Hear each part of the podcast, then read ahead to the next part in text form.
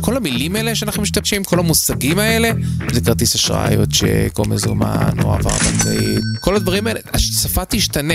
מה שיהיה חשוב זה רק מי אתה, איך אני יודע מי אתה.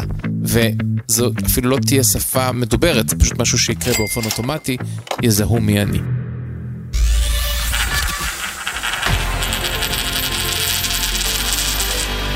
הצד השלישי של המטבע. פודקאסט מבית בנק ישראל. בפרקים הקודמים דיברנו לא מעט על העבר של הכסף הישראלי. התחלנו במקורות הקדומים של השקל, ועברנו לדבר על השטרות הראשונים שעוצבו מקום המדינה, לפני שהגענו להווה, לכסף המזומן. היום נתחיל בהווה ונסיים עם מבט לעתיד. היום נדבר על אמצעי התשלום האחרים שאינם כסף מזומן, ובתחום הזה התחוללה בשנים האחרונות מהפכה קטנה. אלא הצ'קים וכרטיסי החיוב, כלומר כרטיסי האשראי וכרטיסי הדביט, נסביר מיד, הצטרפו אפליקציות תשלומים, ארנקים דיגיטליים ועוד חידושים. האיש האחראי במידה רבה על הכנסת החידושים האלה לעולם אמצעי התשלום הוא עודד סלומי, מנהל מחלקת מערכות התשלומים והסליקה בבנק ישראל וחבר הנהלת הבנק. עודד, שלום. שלום. נהדר שאתה איתנו. שמח להיות פה. רציתי להתחיל את הפרק איתך בתיאור אולי של מערכות התשלומים הענקיות שאתה אחראי עליהן, הסכומים הבלתי נתפסים שעוברים כל יום במערכות האלה. אמרת לי, עזוב, בוא ניקח אותך למקום אחר לגמרי. לאן רצית לקחת אותי? רציתי לדבר על קפה. אוקיי. קנית קפה היום? אני מאוד אוהב קפה ואפילו מכור, ולשמחתי יש בבנק, אבל אה, בימים שאני רוצה לפנק את עצמי בבוקר, אז כן, אני עוצר בדרך בבית קפה בשכונה שלא רחוקה מכאן. אתה יושב או אתה לוקח טייק uh, אווי? אני בדרך כלל לוקח, כן. אה, אז אתה נכנס ומזמין את הקפה? נכנס ומזמין את הקפה, כן.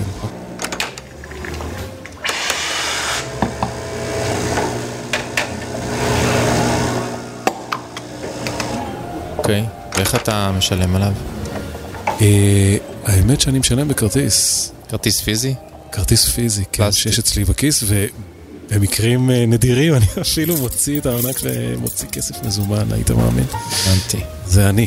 אוקיי, מזומן זה אמצעי תשלום לגיטימי לחלוטין, אפילו הבנק המרכזי עומד מאחוריו, אבל בוא נחשוב איך אנחנו מקדמים אותך לעוד אמצעי תשלום. אני אשמח להתקדם. אז קודם כל, יש היום כבר אפליקציות של רשתות בתי קפה, שאתה יכול להזמין את הקפה מראש. עוד לא דיברנו על כסף, דיברנו על איך מזמינים קפה. אולי בהמשך נדבר על זה שכל התהליך של התשלום בעולם החדש הוא כבר מה שאנחנו קוראים embedded, מוטמע, בתוך תהליכים אחרים. אז אם אתה משתמש באפליקציה לבחור את סוג הקפה ואיפה אתה רוצה לקנות את הקפה, ואם אתה תרצה טייק אאוט או לשבת במקום, אז על הדרך גם כבר תשלם בלי כל כך להתאמץ. אז בדוגמה שנתתי, אתה אולי לפני שתצא מהבית, תוכל לחשוב על זה שבדרך תרצה אה, לקנות קפה ולא תרצה להמתין יותר מדי, אז אה, אולי אפילו בלי לחנות את הרכב, תוכל פשוט לעצור ולקבל את הקפה שלך. הרשת שעושה את זה כן דורשת ממך להיכנס עדיין היום, אבל בחו"ל גם אפשר מהרכב. ואז אתה לוקח את הקפה ונוסע, ובעצם התשלום הוא לא כל כך אישו. כי... כלומר, אתה, אתה בכלל לא מרגיש ששילמת. אתה יודע, אתה, כותב, אתה לוחץ על כפתור שמשלם, אבל מה קורה ברקע? ברקע יש מערכות uh, מורכבות, יציבותיות, uh, מהותיות, שבדוגמה שאני מדבר עליה, שמרת שם מספר כרטיס אשראי. בדומה למצב שאתה אולי שמרת מספר כרטיס אשראי באפליקציה לחנייה, או באפליקציה להזמנת מונית, או באפליקציה להזמנת כרטיס לסרט. כן, למשל באפליקציית חניה אני טיפה יותר אה, מתקדם. אני יכול לתדלק, למשל, באפליקציית חניה שלי. כן, מאה אחוז. אז תכף אולי נגיע גם לתרחישים האחרים. אבל אם נשאר עם הקפה, אז אנחנו בדרך כלל במצבים האלה בוחרים לשמור מספר כרטיס אשראי בענן, באיזשהו ענן. הוא בדרך כלל מובטח, הוא תמיד מובטח בעצם. ושם אה, בית העסק או הרשת, יודעת מה מספר כרטיס האשראי שלי או שלך, עם כל הנתונים הרלוונטיים, באופן מוצפן. ואז כשאתה בא לקחת את הקפה, אתה בכלל לא צריך לעשות שום דבר פיזי, אתה מזדהה באיזושהי דרך שאתה מגיע לקופאית, וזה כבר מחייב אותך. זאת אומרת, בלי הנייד בכלל. אה, אולי הזמנת באפליקציה בנייד, אבל אתה לא בהכרח צריך להראות להם את הנייד, אתה רק צריך לדעת את הקוד. אבל איך תדע אם לא עשו לך נגיד טעות בחיוב וחייבו אותך גם על הקפה של אה, השכן שלך? באותה דרך שתדע בכל מצב, אם אתה משלם במזומן, או אם אתה משלם בכרטיס אשראי פלסטי, או אם אתה משלם בצ'ק, תמיד יכולים לחייב אותך סכום לא נכון. דווקא באפליקציות יש לך יותר שליטה, כי בדרך כלל יש לך אפשרות לקבל התראות ולראות מה היה הסכום, ויהיה לך הרבה יותר אה, קל, נגיש, מהיר, לעקוב אחרי ההוצאה ולוודא שזה הסכום שבאמת התכוונת לשלם. זה ככה באפליקציות, אנחנו אולי בהמשך נוכל גם להרחיב לעוד uh, תרחישים, לא רק לקפה. אבל אני דווקא אוהב את הדוגמה של הקפה, כי רובנו לא עושים את מה שתיארתי, רובנו נכנסים פיזית. נכון. ועוד סיבה שקפה זה מאוד רלוונטי, זה מוצר שאנחנו באופן מסורתי בישראל ובכל העולם רגילים לקנות במזומן. כי זה סכום קטן. הסכום שאני מכיר הוא 18 שקל, יש מקומות שזה קצת יותר ויש מקומות שזה אה, קצת פחות, אבל זה סכום שבעבר לא היינו רגילים או חושבים בכלל לשלם באמצעי תשלום דיגיטלי. ומה שקרה בשנים האחרונות זה שהסבנו את התשתית של תשלומים דיגיטליים בבתי עסק לתשתית שבעצם מעודדת אותנו להשתמש באמצעי תשלום שהוא לא מזומן. אז מה התרחישים? אז בואו נחשוב. עד לפני שנתיים, ברוב בתי הקפה ובכלל רוב בתי העסק הפיזיים, היה מסוף שהיינו לוקחים כרטיס פלסטי עם פס מגנטי, והייתה מילה שאנחנו כבר לא כל כך משתמשים בה, שהיא הייתה, היינו מגהצים כן. את הכרטיס במסוף. נכון, נכון. אוקיי, אז זאת טכנולוגיה קצת ישנה, היינו משתמשים בפס המגנטי, הנתונים לא היו מאוד מוצפנים, ידענו לנהל את הסיכון מאוד יפה בתוך המסוף, ומי שבעצם ניהל את הסיכון זה מערכת התשלומים ברקע. Mm-hmm. אבל מה שקרה זה שהעולם התקדם הלאה, גם ויזה וגם מאסטרקארד ועוד חברות עודדו את המנפיקים של הכרטיסים הפלסטיים להכניס שבב. ואז לאט לאט התחלנו לראות שיש שבב ברוב הכרטיסים, היום אנחנו בכמעט 100%, אולי זה כבר 100% מהכרטיסים יש להם את השבב הזה. לשבב הזה קוראים EMV. אוקיי. Okay. ומה השבב הזה עושה? במדינות אחרות, כשהטמיעו את השבב, זה היה הרבה לפני ישראל, גם שינו את המסופים, והיו מכניסים את השבב לתוך המסוף, ומכניסים קוד אישי כמו שעושים בכספומטים. למה זה טוב? כי השבב היה הרבה יותר מוצפן מהפס המגנטי. ואז הדבר הבא שקרה, זה שאמרו, רגע, אבל למה צריך בכלל להכניס את זה פיזית? בואו נכניס אנטנה לתוך הכרטיס הפלסטי. אז הכניסו אנטנה ושינו את המסופים למסופים שיכולים לקרוא את השדר מהכרטיס הפיזי לאנטנה בתוך המסוף, ואז אני פשוט הייתי מכניס, קוראים לזה tap to pay, הייתי בנגיעה, אפילו לא הייתי חייב, אני לא חייב אפילו ממש לגעת פיזית, פשוט בקירוב, תשלום בקירוב. אה, תשלום ללא מגע במסופים. האנטנה היא במסוף, והיא מתקשרת עם השבב שעל לא, הכרטיס? אם לא, אם תגזור את הכרטיס הפלסטי שיש לך בכיס, אתה תמצא שיש אנטנה מוטמעת בתוך הכרטיס, זה די מפתיע. כולנו מסתובבים עם אנטנות קטנות ואנחנו לא בטוח יודעים את זה. אה, לגמרי, כמעט אף אחד לא יודע את זה. עכשיו, האנטנה מחוברת לשבב, וכשמקרבים אותה על המסוף, אז גם במסוף יש אנטנה שקולטת את השדר. כן? מאיזה מרחק בערך? אה, קוראים לזה תשדורת טווח אפס, near field communication, שזה משהו כמו שני, מקסימום שני סנטימטר, בדרך כלל ממש נוגעים. זה NFC. כן. אנחנו אולי מכירים יפה, את ה... אוקיי. יפה. עכשיו, בתקופת הקורונה, בכל העולם וגם בישראל, אמרו, אוקיי, אנחנו לא רוצים לגעת, לא רוצים להעביר וירוסים, אז יש תקרה, עד איזה סכום אפשר לשלם ללא מגע. אז העלו, העלינו את התקרה בישראל ל-300 שקל, וגם במדינות אחרות מאוד העלו את התקרה. אז עד 300 שקל, שזה סכום כבר לא מבוטל, אתה יכול לשלם בלי לגעת בכלל. מניחים את זה על המכשיר, או אה, משהו כזה. נוגעים במכשיר, כן. כן, לא צריך אפילו להניח. כן. אבל אז, מה קרה בעולם? אני עוד פעם חוזר איתך, זה, כל הדבר הזה קרה כבר לפני לא מעט שנים, זה פשוט לא הגיע לישראל. אז מה קרה בעולם? אמרו, רגע, יש שבב, יש אנטנה, למה זה צריך להיות בתוך כרטיס פלסטי? בואו ניקח את השבב הזה ואת האנטנה הזו ונכניס אותה לתוך הטלפון הנייד, ואז נחבר אותה לאפליקציה בתוך הטלפון הנייד. ואז אנחנו הולכים לקחת את הטלפון הפיזי ולקרב אותו למסוף, וכך לשלם. מעולה. וזו הדרך שהרבה מאיתנו היום קונים קפה. אז הדבר הזה שלוקחים את הטלפון ומקרבים אותו פיזית למסוף וכך משלמים, לזה קוראים ארנק דיגיטלי. מה הרעיון? שכמו שיש לנו ארנק פיזי מאור, יש לנו ארנק דיגיטלי שבתוכו שומרים מספרי כרטיסי אשראי. Mm-hmm. עכשיו, יש שני דברים להגיד על הנושא הזה של ארנק דיגיטלי. אחד, הוא יכול לעשות עוד דברים.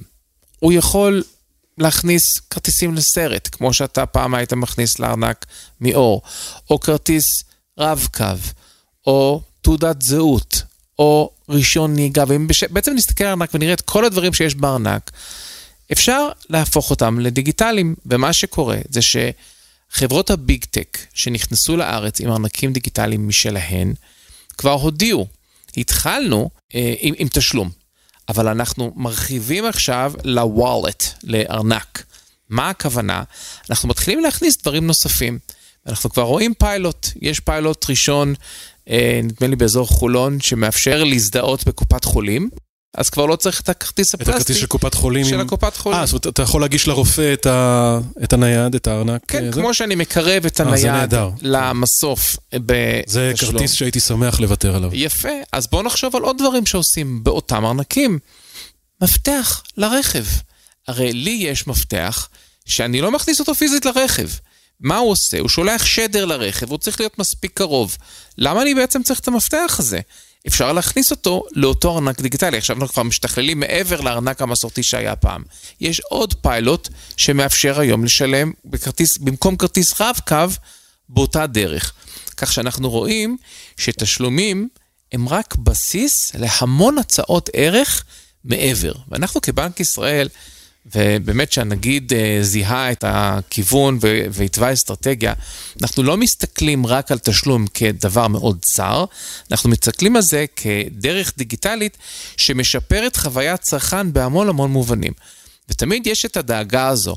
האם יגנבו את הנתונים שלי? האם יגנבו, כמו שיגנבו את הארנק שלי, כן? אני אאבד את הנייד, זה סוף העולם. אני אאבד את הנייד. אבל אם נחשוב על זה רגע, קודם כל, הסיכוי שאני אאבד את הנייד ולא אשים לב, או הסיכוי שאני לא אשים לב שגנבו לי את הנייד, הוא הרבה יותר קטן מהסיכוי שאני אאבד את הארנק הפיזי. בוא אשאל אותך שאלה, אמירם.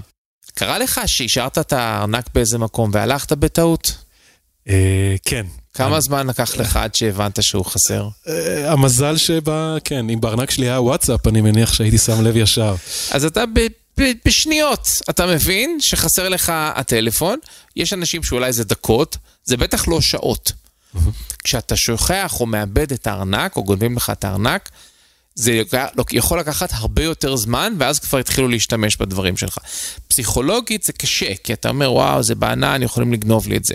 נכון, אבל אם גונבים לך את האמצעי תשלום ואמצעי הזדהות האחרים שיש לך בארנק, אה, באופן פיזי, הם לא מוגנים, הם הרבה פחות מוגנים, בוא נגיד ככה, כי אתה בכרטיס יכול לראות את המספר. אם יש לך שם מזומן, אז בכלל אין לך דרך לקבל את הכסף חזרה. אפילו אם יש לך צ'ק, שאתה שומר צ'ק ספייר בארנק, יכולים אולי לזייף את החתימה שלך, ו- ו- ואז לך תתמודד, כן? כן. כשזה דיגיטלי, הכל מוצפן, וברוב המקרים אתה צריך להזדהות באופן דיגיטלי, אז אם זה בסריקת פנים, או בטביעת אצבע, או בקוד ששולחים לך ואתה צריך להכניס למערכת אחרת, סך הכל הדיגיטציה יותר מגנה מאשר אמצעי התשלום הפיזיים. כמה אנשים ביצעו, זאת אם אנחנו מסתכלים על הציבור, אז אה, עד כמה השינוי הזה אה, כבר חלחל באמצעי התשלום, זאת כמה אנשים עברו לשלם אה, בארנק דיגיטלי במקום בכרטיסי הפלסטיק הישנים? אז אני אגיד לך, זה מאוד תלוי בצרכן. אוקיי? אה, ש... לפי הנתונים האחרונים שיש לנו מדצמבר, 12% מהמשתמשים כבר משתמשים בארנק דיגיטלי כפי שתיארתי. אבל, שים לב, שהרבה משתמשים באפליקציות, תחשוב כמה אנשים משתמשים באפליקציות תשלום להעביר לחבר. הרבה אנשים שומרים את מספר כרטיס האשראי שלהם באפליקציה אחת או אחרת כדי לשלם, כמו שדיברנו על מונית או על חנייה או על אפילו אה, הזמנת קפה או פיצה. כך שהאחוז של דיגיטציה הוא הרבה הרבה יותר גבוה, אבל אלה שמשתמשים ספציפית בארנק דיגיטלי לשלם במסוף, זה 12 אחוז, ומתוכם, כשאתה בודק כמה מהתשלומים שלהם הם בארנק דיגיטלי? אני יכול להגיד לך עליי, אני כבר כמעט לא משתמש באף אמצעי תשלום אחר. אז זה okay. אוקיי. מאוד תלוי. עודד, אם אנחנו מסתכלים על כל אמצעי התשלום שיש כרגע, התחושה שלך זה שהתהליך הוא של החלפה או תהליך של סינרגיה, בלי שאמצעי תשלום מסוימים יידחקו החוצה? זאת אומרת, אם אנחנו מסתכלים קדימה, אמצעי תשלום מסורתיים, כמו המזומן או כמו הצ'קים, לפחות לחלקם עוד לא נמצא תחליף. דעתי איתנה בנושא הזה. יש מקום לכל אמצעי תשלום, כל אחד יש לו את התרחיש שלו, יש לו אפילו גרף מאוד יפה שמראה אה, תרחישים מסוימים וגם את גודל התשלום. כפי שהסכום לתשלום הולך וגדל, אמצעי התשלום משתנה. למשל, סכומים קטנים הם במזומן, אחר כך הם עוברים לכרטיסי אשראי. ככל שהסכום גדל, זה עובר נגיד יותר לצ'קים, אה, העברות בנקאיות, אחר כך הסכומים המאוד גדולים הם בהעברות זהב, אנחנו, מה שיש לנו, אנחנו ממש עוקבים אחרי זה. וכשאנחנו מקדמים אמצעי תשלום חדשים, מה שאנחנו רואים זה שהעוגה גדלה. זה נכנס לנישות שאולי לא היו קיימות קודם. אה, אני לא מאמין באמת שאמצעי תשלום אחד אה, ינגוס באמצעי תשלום אחר. נדמה לי שאמרת שאחת ההפתעות שהיו לך, כן. זאת אומרת, אתה באמת הכנסת המון חידושים לעולם המערכות תשלומים, אבל דווקא הופתעת לגלות שמערכת תשלומים שחשבת שהיא קצת outdated, יש לה יתרונות גדולים, והכוונה היא לצ'קים. כן, אה, היו לי שלוש הפתעות, שזה צ'קים, כרטיסי דביט וכרטיס לא נוכח. אז אולי נדבר על כל אחת מההפתעות האלה. כן. אולי זה יפתיע גם את המאזינים. כשנכנסתי לתפקיד, אחד מהדברים הראשונים שרציתי לעשות, זה להתחיל תהליך של uh, סגירת המוצר שקוראים לו צ'ק, להעלים אותו. Uh, זה נשמע נורא אגרסיבי, אבל אינטואיטיבית, יש מדינות, במיוחד בצפון אירופה, שאין בהן צ'קים יותר. אני ניהלתי את ויזה העולמית הרבה שנים, ותמיד אה, כשהיינו מדברים על הזדמנויות בשוק, כשהיינו נפגשים עם מנכ"לים של מדינות שונות, היו אומרים לי, יש אצלכם צ'קים? וזה, בפעם הראשונה ששאלו אותי את השאלה הזו, זה היה, לא הבנתי את השאלה, מה זאת אומרת? לכולם יש צ'קים. אז לא, יש הרבה מדינות שכבר אין צ'קים בכלל. המדינות המובילות במחזורי הצ'קים הן ארצות הברית, קנדה, הודו, צרפת וישראל. זאת אומרת, הם אלה ששומרות על ה... להם יש צ'קים. אה, אבל למה חשבתי שצריך לבטל את הצ'ק? כי זה אמצעי תשלום מאוד לא יעיל. הוא מנייר, צריך לקחת אותו פיזית כדי להפקיד אותו. גם אם אתה סורק אותו, אתה יכול רק לסרוק עד 50 אלף שקל. היום אנחנו מנסים להגדיל את הסכום למספר גדול יותר, ועדיין, יש uh, הרבה uh, סוגים של צ'קים שאי אפשר להפקיד דיגיטלית. Uh, הרבה פעמים הצ'ק חוזר, ואז המוטב צריך לחזור למי ששילם לו, והוא לא תמיד מוצא אותו. אתה מחזיר אותי פה לזיכרונות שלי בתור גזבר של ועד בית משותף, כן. עומד מול המכונה ומנסה כן. כל פעם לדחוף את הצ'ק כן, חוזר. אבל הבטחת לנו הפתעה. אוקיי, אז באו החבר'ה שלי ואמרו לי, תשמע, אנחנו לא יכולים לעצור, להעלים את הצ'קים מהעולם, כי אנחנו ניקח מהצרכן ומבתי העסק הטבות ואפיונים שאין באף אמצעי תשלום אחר. אמרתי, אוקיי, בואו תסבירו. אמרו, תראה, קודם כל, יש משהו כמו 820 מיליארד שקל בשנה בצ'קים. זה יותר מפי שתיים מכרטיסי חיוב. זה ענק. שעוברים פשוט מיד ליד, זה המחזור של הצ'קים במדינה. כן, זה מחזור של צ'קים, הוא מאוד גדול. זאת אומרת, הרבה יותר כסף עובר בצ'קים מאשר בכרטיסי אשראי כן, וכרטיסי דביט. כן, יותר מפי שתיים. אם נספור וואו. את מספר העסקאות, הוא הרבה יותר קטן, כי העסקה הממוצעת בצ'קים היא יותר גדולה, והיא בדרך כלל בין בתי עסק או לבתי עסק. אבל אם זה סכומים כאלה, אז כנראה שזה עובד טוב. אה, בואו נבין למה יש לנו את הסכומים האלה. Uh, מכיוון שהתרחיש של לתת צ'ק עם תאריך עתידי, צ'ק דחוי, הוא אפיון שאין לך באף אמצעי תשלום אחר, אם תחשוב על זה. אז אתה יכול לתת אותו כצ'ק ביטחון לשכר דירה, אתה יכול לתת צ'קים דחויים לשכר דירה לבעל הנכס, אז הוא מקבל כל חודש לחודשו, ויש גם תעשייה ענקית של מה שאנחנו קוראים ניקיון צ'קים. מתוך 800 מיליארד פלוס, משהו כמו 120 מיליארד עברות ניקיון צ'קים. מה זה אומר? מסתבר שזה תרחיש שקורה הרבה, אני לא הכרתי אותו קודם. צרכן נכנס לחנות, רוצה לקנות מקרר, אין לו מספיק אשראי, קו אשראי בכרטיס אשראי שלו, אז הבעל חנות אומר לו, בוא תשלם לי אה, חמישה תשלומים ותן לי צ'קים, ואז הוא נותן לו צ'קים דחויים. עכשיו, בעל החנות קיבל, אה, מכר את המקרר, קיבל כרטיסים, דחו, אה, צ'קים דחויים, אבל הוא צריך את הכסף, הוא צריך את התזרים, הוא כבר אה, מימן את המלאי והוא מכר את המקרר. אז מה הוא עושה? הוא לוקח את הצ'קים הדחויים האלה, שיש בהם סיכון, כי אנחנו לא יודעים מה יקרה עוד חודש, עוד חודשיים, הוא מוכר אותם לחברת ניקיון צ'קים, והיא... מש... נותנת לו מזומן במקום? היא נותנת לו מזומן, אבל לא 100% מהכסף, היא תיתן לו נגיד 90% או 92%, כי בכל אופן היא לוקחת על עצמה סיכון. זה אשראי לעסקים קטנים שהם לא יכולים לקבל במקום אחר, כי הבנקים לא מוכנים לקחת את הסיכון. אז אמרו לי, את זה אתה לא יכול לקחת. אתה לא יכול לקחת מה, מהמשלם את האשראי שהוא מקבל חינם, כי כשהוא רשם צ'קים דחויים, הבנק שלו לא יודע, אין לו קו, קו אשראי. וזה לגיטימי, זה זאת, לא לא לגיטימי. זאת אומרת, הכוונה, גם אם הגעת למסגרת האשראי שלך, אתה עדיין תוכל לקנות בצ'קים דחויים בלי הגבלה, כי זה לא נכנס למסגרת האשראי. לגמרי נכון. והמקום שזה קורה הכי הרבה, זה תשלומים בין עסקים. אם יש לי חנות, אם אני עצמאי ויש לי חנות נעליים, ואני צריך לקנות עוד מלאי ויש לי בעיה של אשראי, אז אני משלם עם צ'ק, נגיד, אה, שוטף פלוס 30 או פלוס 90 או פלוס 120, אם הספק שלי מוכן לקבל תשלום כל כך מאוחר, אז סבבה, עשיתי עסקה, הוא מוכר את הצ'ק הדחוי לחברת ניקיון צ'קים, אני קיבלתי אשראי, הוא קיבל דרך לממן את האשראי שהוא נתן לי.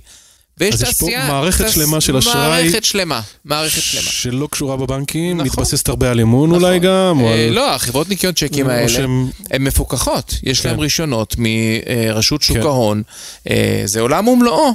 כן. ואז אמרתי, אוקיי, אבל מה עם הבעיות של הצ'קים? יש צ'קים חוזרים. נכון, בערך 3.7% מהצ'קים הם חוזרים. וזה בגלל טעויות טיפשיות, שלא רשמת תאריך נכון או משהו כזה. יפה, אז אנחנו בדקנו ואמרנו, הם, זה לא שהם חוזרים בגלל סיבת אק"ם אין כיסוי מספיק, יש בעיות כאלה, זה בערך 20% מהצ'קים החוזרים, הם חוזרים בגלל שאין כיסוי מספיק. זה הכל, זאת אומרת, מתוך ה-3.7%, רק 20% זה צ'קים ללא כיסוי. עכשיו, כל השאר, שזה עשרות מיליארדי שקלים, הם חוזרים מסיבות טכניות. מועד לא נכון, חתימה לא תואמת, אה, מוטב, כתוב לא נכון, כל מיני בעיות כאלה. אז אמרנו, איך פותרים את כל הדבר הזה? ניקח את כל האפיונים של הצ'קים ונעביר אותם לפלטפורמה דיגיטלית. ואז בשדות של, ה, של הצ'ק הדיגיטלי, לא תוכל להכניס דברים לא נכונים, לא תוכל להכניס מועד שהוא לא בתוך הכללים של הצ'קים, ואז המוטב לא יהיו לו צ'קים חוזרים, את ה-80% האלה בגלל סיבות טכניות, נמנע את כל הסיבות הטכניות, נחסוך למשק את כל ההתנהלות מול צ'קים מנייר, אם זה גביית צ'קים חוזרים ואם זה לרוץ לבנק וכל מיני דברים כאלה. ועכשיו אנחנו בעיצומו של תהליך שאנחנו עושים מול אה, עשרות גופים במשק, להבין מה אנחנו צריכים להכניס באפיון של הצ'ק הדיגיטלי, ומי ששומע את זה ונחשף לרעיון הזה במקומות אחרים, חלק מהאנשים האלה נכנסים ללחץ. מה, איך אני אסתדר בלי צ'קים? אל תיכנסו ללחץ. אנחנו לא הורגים את הצ'ק מנייר, אנחנו מביאים, מביאים עוד אמצעי תשלום שהוא דיגיטלי, שהוא יהיה צ'ק דיגיטלי, אבל את הצ'קים מנייר נשאיר, ואנחנו מאמינים שהשוק לבד יעשה את המיגרציה לצ'ק דיגיטלי, ובזה אנחנו נהיה באמת מתקדמים בעולם. אין היום בעולם צ'ק דיגיטלי? יש צ'קים דיגיטליים של גוף ספציפי.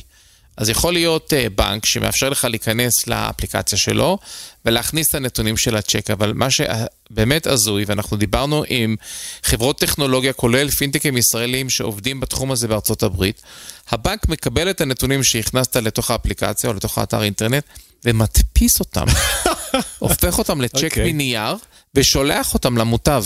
לא זה פשוט לא יאומן. למה?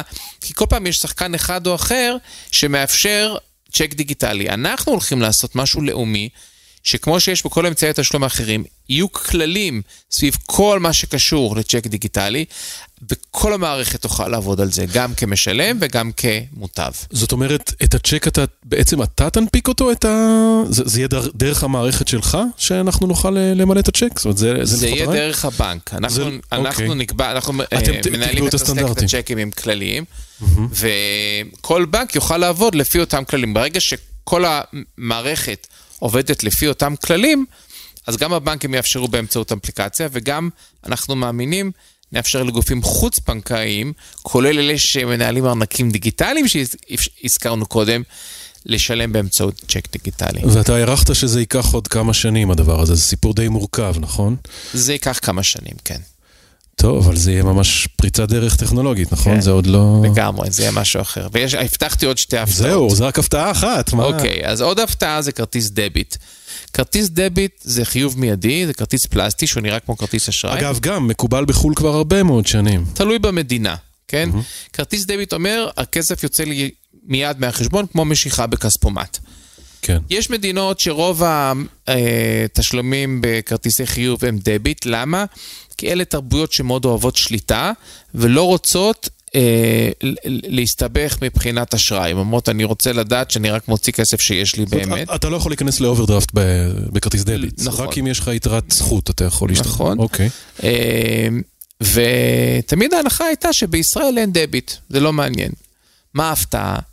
שמשהו כמו 20% מהכרטיסים הם דביט בישראל. היום? כן, שמונ... מה אתה אומר? כן, זה מדהים. עכשיו, למה?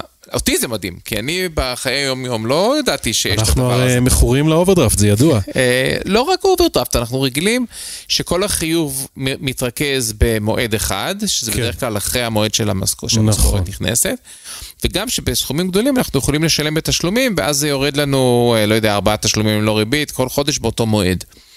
למה שאני ארצה שהכסף יצא לי מיד מהחשבון? אז יש פלח אוכלוסייה משמעותי שהבין דבר. הוא הבין שהוא רוצה לנהל את הכסף שלו יותר טוב, ושיהיה לו יותר שליטה, ושהוא לא יסתבך במרכאות כפולות.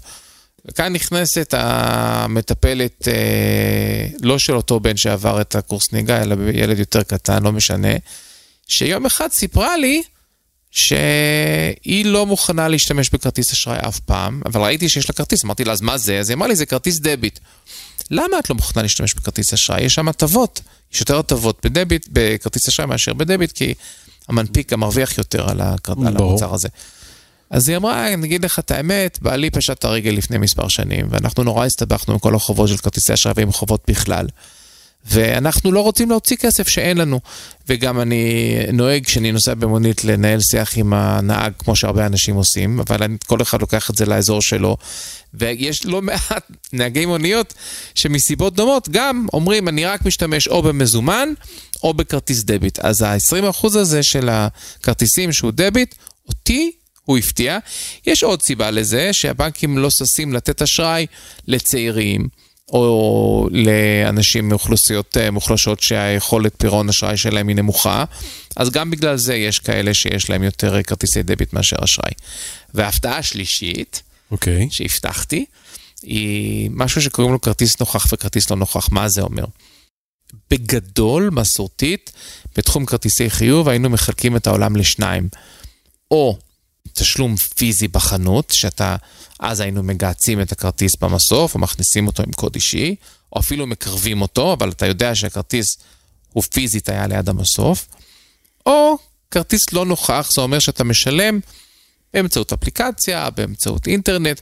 זאת אומרת, לא היה איזשהו מגע פיזי שאפשר למסוף לדעת שאתה נמצא שם פיזית. ומה אם אני נותן את המספר בטלפון או משהו? זה... זה כרטיס לא נוכח. זה אומר לא נוכח. שאתה, שהטכנולוגיה לא זיהתה שהיה מגע או קירוב פיזי בין הכרטיס, או הטלפון שהכרטיס מוטמע בתוכו, לבין המסוף. אוקיי.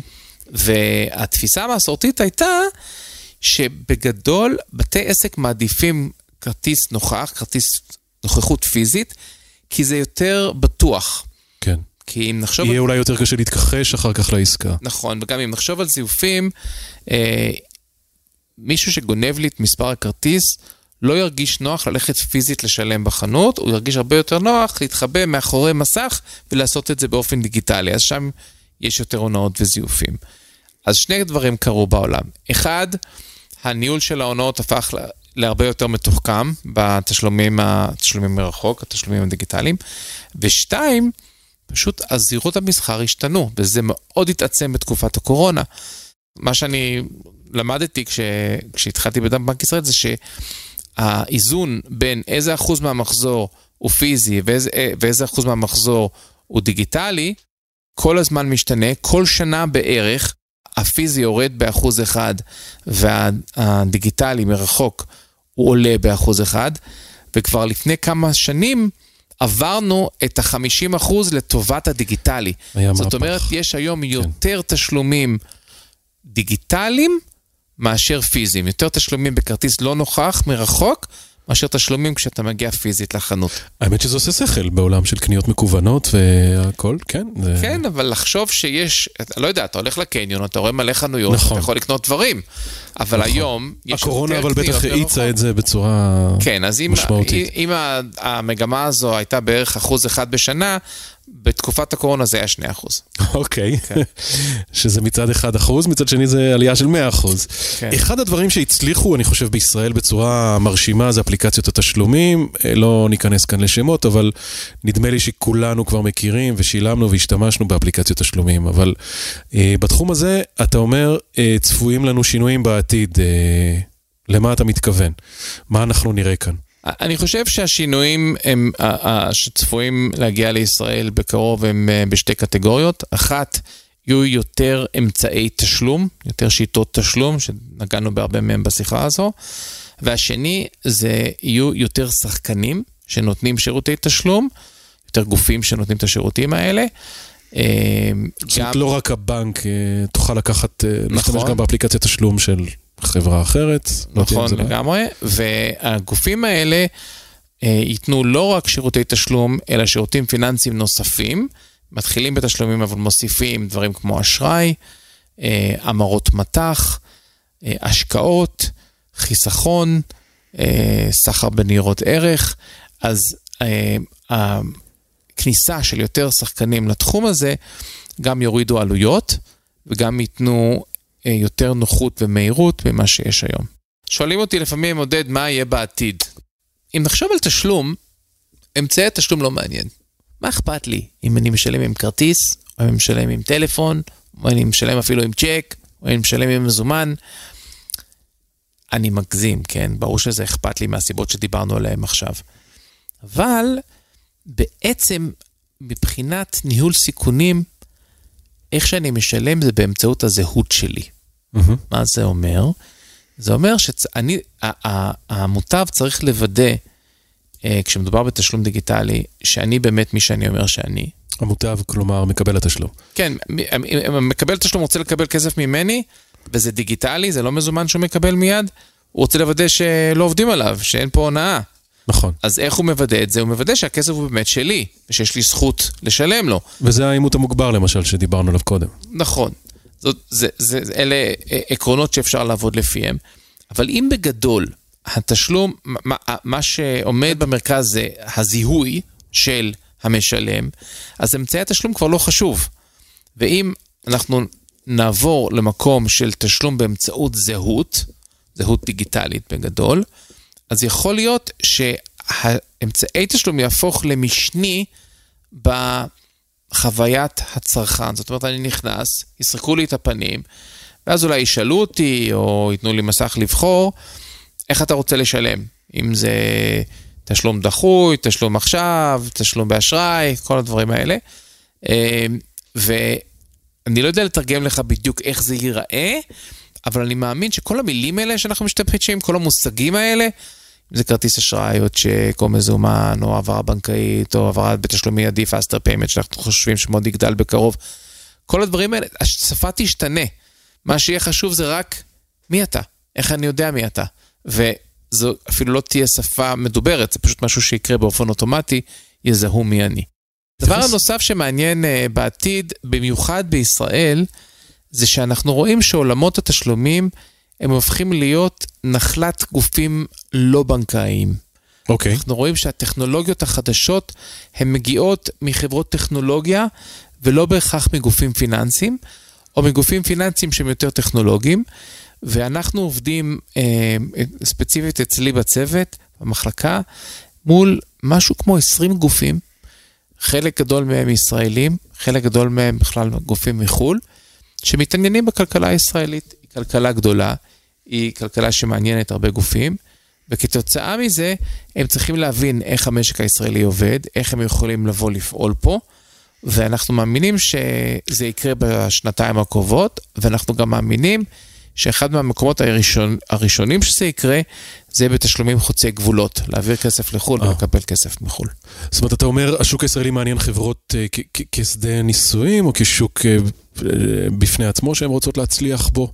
אז uh, אני אענה בשני חלקים. החברות פינטק הבינלאומיות מתעניינות בישראל כשוק בפני עצמו. החברות הישראליות שכבר פועלות בחו"ל או שעוד מעט מתחילות לפעול, אולי רואות את ישראל יותר כמקום להתחיל בו ואחר כך להמשיך למדינות אחרות. אם יש להם כבר פעילות עולמית, אז כנראה שהבאנו אותם למצב שהיום הם גם מסתכלות על ישראל כשוק יעד. אבל אנחנו בתוך שנתיים נראה כאן חברות גדולות, אה, להערכתך, שנכנסות ל... אה, אני מאמין שזה יקרה יותר מהר, אני אה, זהיר, אז אני אומר שנתיים, ואני גם מאמין שהחברות האלה ייתנו לא רק שירותי תשלום, אלא גם שירותים פיננסיים נוספים, אחרי שהם ייכנסו בתחום התשלומים. אחד התחומים שאולי נשמעים הכי מקצועיים, אבל מתברר שהם אחד הכי מרתקים ומתחדשים שיש, בטח בתקופה הזאת. עודד אה, סלומי, תודה רבה. שמחתי, תודה לך. עד כאן עוד פרק בפודקאסט הצד השלישי של המטבע. תוכלו לשמוע אותנו ביישומון ההסכתים החביב עליכם, ספוטיפיי, אפל פודקאסט, דיזר, גוגל פודקאסט, אמזון, מומלץ להירשם כדי לקבל עדכונים על פרקים חדשים. בקרו גם באתר בנק ישראל, שם תוכלו להגיב על הפודקאסט, או להאזין ולצפות בעוד הרבה חומרים מעניינים שהפקנו עבורכם. תודה לכם על ההאזנה, אני הייתי אמירם ברקת, ואנחנו נשתמע בפרקים הבאים. הצד השלישי של המטבע.